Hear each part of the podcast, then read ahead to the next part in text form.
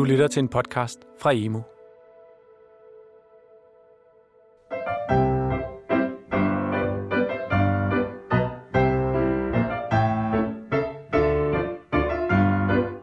Du lytter til podcastserien Gymnasielyd, produceret af de gymnasiale læringskonsulenter i Undervisningsministeriet.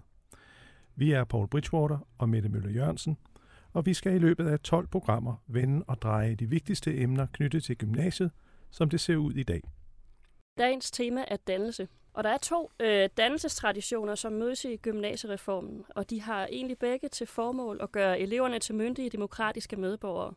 Den ene tradition holder fanen højt for faglighed og fordybelse, hvorimod den anden lægger op til, at eleverne skal arbejde problemorienteret flerfagligt med aktuelle udfordringer. Det kunne være klima, eller demokrati, eller migration. Vi skal i dag komme nærmere dannelsen, som den ser ud i gymnasieskolen nu. Og vi har inviteret to gæster i studiet. Velkommen til jer. Tak. Tak. Birgitte Vedersø, du er formand for Danske Gymnasier og rektor på Gefjørn Gymnasium. Og Alexander von Yttingen, du er prorektor på UC Syd. Ja. Og så har du skrevet om dannelse, blandt andet i bogen Undervisning og Dannelse. Ja. Og sikkert også mange andre steder. Jeg starter med dig, Birgitte. Dannelse er et bredt begreb, og du har skrevet, at behovet for dannelse er vokset. Kan du uddybe det? Ja, det kan jeg godt. Når jeg siger det, så er det fordi, øh, jeg, jeg ser dannelse som sådan en, en toledet størrelse. Øh, den dannelse, som handler om øh, det enkelte menneske, det er sådan en livslang individuel proces, som jeg ser det. Hvorimod almendannelsen, det er det, vi hjælper de unge til i gymnasiet, og som folkeskolen hjælper og grundskolen hjælper børnene til i skolen. Og når jeg mener, at der generelt er behov for, øh, at vi sætter fokus på dannelse, så hænger det sammen med, øh, at når verden øh, på en eller anden måde nu ser sådan ud, at der er adgang til al viden i hele verden til enhver tid, øh, og at man samtidig øh, ikke længere har nogle meget øh, faste forklaringsmodeller på, hvordan man skal forstå al den viden og øh, forstå verden. De autoritative sandheder, de er væk. Så, øh, så tænker jeg, at dannelse kan være den nødvendige forankring, et menneske kan få i verden til at navigere i det her øh, lidt kaotiske billede. Alexander, du har sagt, at når man går skolen til ramme om dannelsen, så bliver skolen moralsk og normativt overophedet. Hvad mente du, da du skrev det? Ja, det er et godt spørgsmål. Det ved jeg. Nej, det ved jeg godt. Øhm, det, det har noget at gøre med, øh, hvordan man forstår forholdet mellem skole, om det så er gymnasieskolen, og dannelse. Og øhm, jeg deler lidt Birgittes øh, opdeling også i forhold til at sige, at der er jo noget, der hedder den der mere individuelle, eller rettere sagt livslang dannelsesproces, som vi alle sammen skal igennem. Øhm, og så er der skolens, gymnasiet, folkeskolens bidrag til dannelsen. Og hvis man kobler, altså hvis man oversætter det som om, at skolen kan være, have dannelsesmonopol, så bliver den metafysisk overophedet og knækker sammen. Fordi så, så gør man jo skade både på skolen, gymnasiet og på dannelsen. Fordi så er det som om, at dannelse handler om, hvad for en skoleuddannelse du har. Ikke? Det, vil være, det vil være katastrofe. Og på den anden side, øh, skolen kan jo ikke indfri alle de, Birgitte nævnte det lige, alle de øh, ting, man kan komme ud fra i livet. Altså livet er enormt mangfoldigt, ikke? Og, øh, og derfor kan skolen slet ikke levere den vare, hvis det handler om at forberede dig til dit liv, fordi dit liv er så mangfoldigt. Så man skal skelne imellem og sige, hvad kan skolen bidrage med, om det nu er gymnasiet eller folkeskolen, til dannelsesprocesser, men hvis man sætter skole lige med dannelse, så knækker begge to ting sammen. Altså falder de sammen, så øh, det er ikke godt for dem begge to. Hvis I nu skulle øh, definere dannelse kort, og det kan jo næsten ikke lade sig gøre, men, øh, men Birgitte, du var inde på øh, noget med, at man skulle kunne orientere sig i en kompleks hverdag, hvor og, og autoriteterne er forsvundne. Øh, altså, hvor i er dannelsen? Hvis, hvad er dannelse så? Jamen, hvis vi henholder os til den tyske filosof Humboldt, så, så er hans øh, forklaring på dannelse er jo, at menneskets formål er den højeste og mest harmoniske dannelse øh, af dets evner i en helhed. Og hvis vi så samtidig oversætter det til almen dannelse, som er det, jeg synes er skolens opgave, så handler det om at udvikle evnerne til at forstå, handle, vurdere, skabe, både praktisk og kreativt. Og hvis det skal lykkes, så forudsætter det frihed, Det forudsætter alsidige påvirkninger, en bredde i, i de fag og de emneområder, man bliver præsenteret for, og det kræver også en viden om sprog, kultur og historie. Men det er vigtigt at skelne imellem det, som er redskaberne til, til dannelsen, og det er ikke målet i sig selv, og så det, der er det enkelte mål, nemlig det enkelte menneskes individuelle dannelse. Alexander, ser du også sådan på dansesbegrebet? At det... Ja, altså jeg synes, det, det er også en meget fin skældning. Jeg, altså, jeg vil også lægge mig lidt øh, i ly af, af, af Humboldt. Øhm, det er jo altid to kræfter, der er i spil, når vi har om dannelsesprocesser at gøre. Det ene handler om mig selv. Det, jeg vil udvikle mig, det jeg vil forstå, det jeg kan erkende, det jeg vil gøre og sådan og Det, vil jeg, det er, hvad jeg vil tro på. Det er den ene del. Den anden del handler, det vil jeg, hvad vil jeg involvere mig i? Altså det fællesskab, det sociale, det samfund, den familie, jeg vil stifte, det arbejde, jeg vil have. Så dannelsesprocesser er for mig altid selv- og verdensprocesser. To processer, der ligesom ikke er de samme, men som skal linkes sammen. Og det kan være ganske spændende, og det kan gå ganske galt, kan man sige.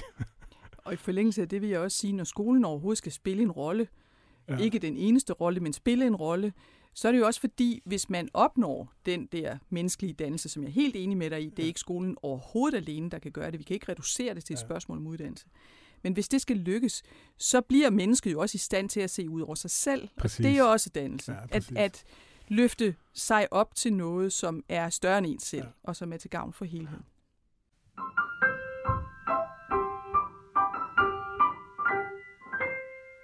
Vi skal tale om, hvilken forpligtelse vi har som skole for at give dannelse.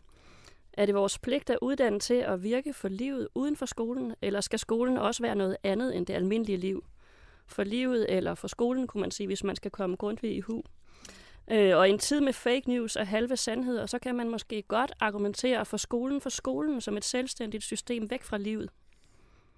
Så det vi skal diskutere lige om lidt, det er, hvordan kommer dannelse konkret til udtryk i undervisningen, og hvad er egentlig skolens opgave? For livet eller for skolen, kan man sige.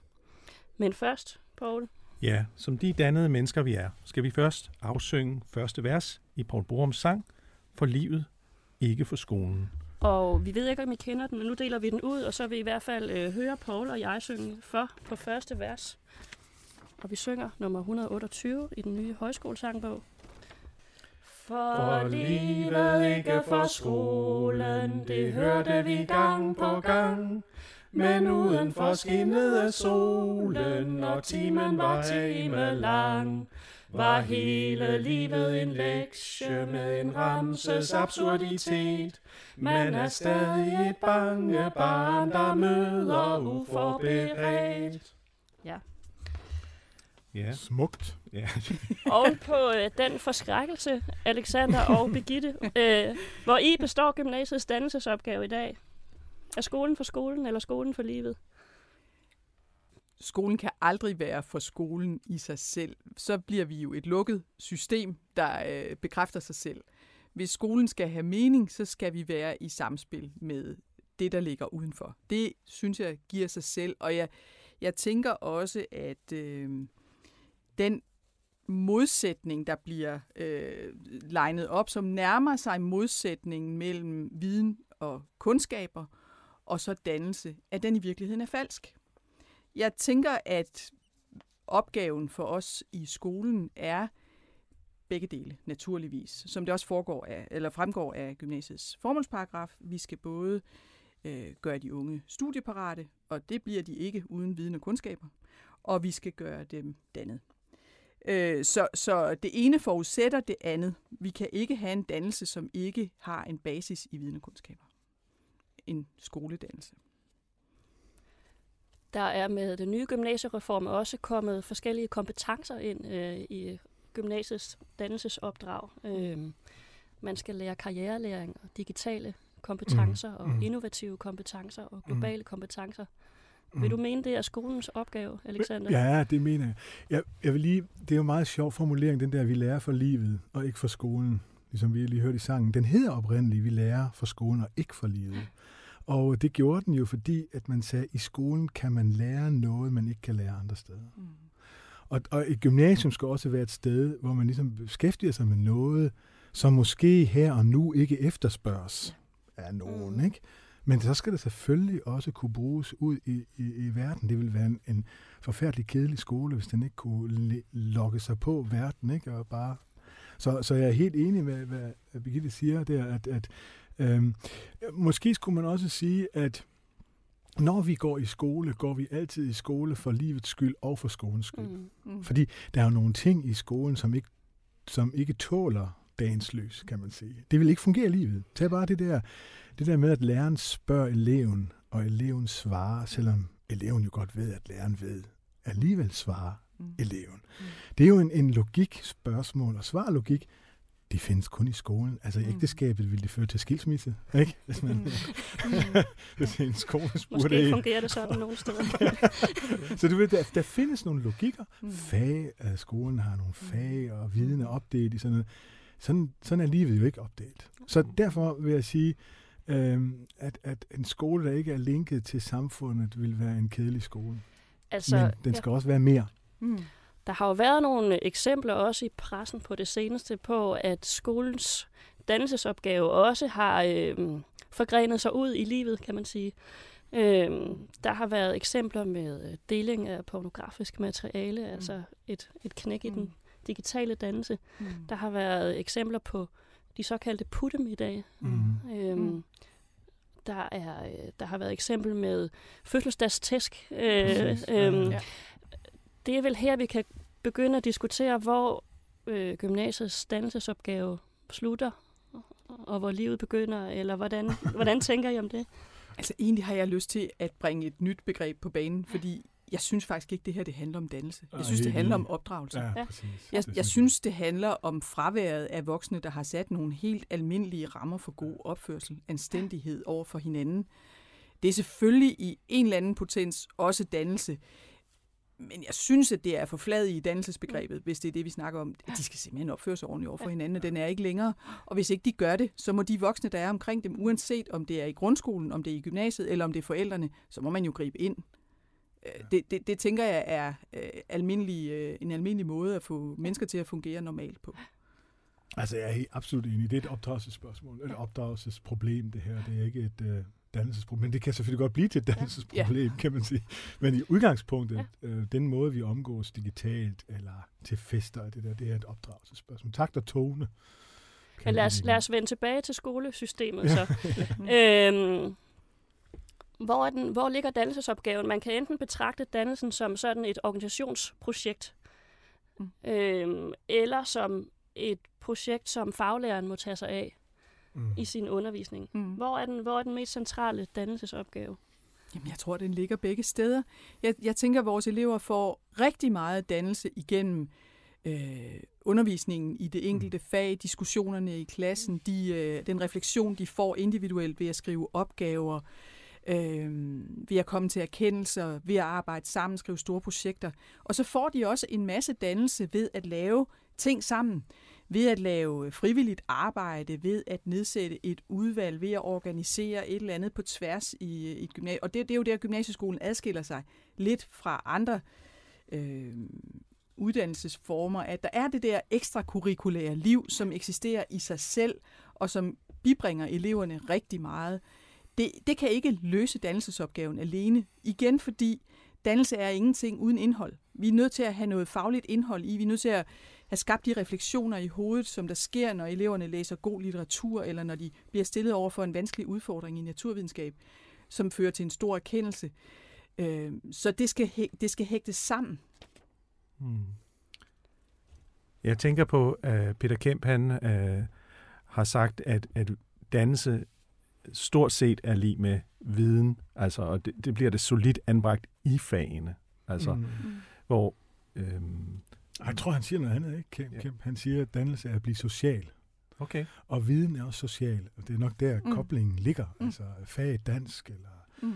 eller litteratur er jo øh, udtryk for også sociale former. Ikke? Mm. Altså, man er jo ikke isoleret i den forstand. Så, så jeg tror faktisk, han mener, at dannelse det er at blive social. Punktum. Det er meget ja. nemt tror jeg, han siger. Altså sådan siger han, altså jeg, jeg er 100% sikker, er jeg ikke. Men jeg mener faktisk, det er hans formulering, at, mm. for han bliver spurgt, hvad er dannelse, det kan man ikke sige noget om, så siger han, røvl, man kan godt sige det helt meget kort, dannelse er at blive social. Og det, og det bliver man jo, gennem fag. Ja. ja. Og det svarer jo i virkeligheden så også på spørgsmålet før om, hvorvidt øh, om, om øh, skolen er for skolen, eller skolen er for livet. Præcis. For hvis ja. dannelse er at blive social, er det nødt til at være i kontakt med resten af verden, resten af livet. Præcis. Så, ja. Men nu ved jeg ikke, om jeg har ødelagt det. det er rigtig godt.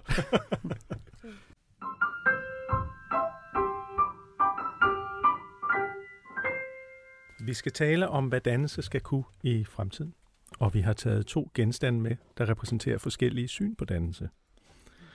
Og Birgitte, du får lige den her. Ja. Forklar lige, hvad det er. Jeg står med en samlet solcellerobot. Øh, meget øh, avanceret lille blå ja. sag, som øh, man kan bygge. Øh, man kan bygge en, en robot, en tank eller en skorpion. Øh, du må gerne pakke den op. Og jeg må gerne pakke den op. Jeg ja. er meget spændt.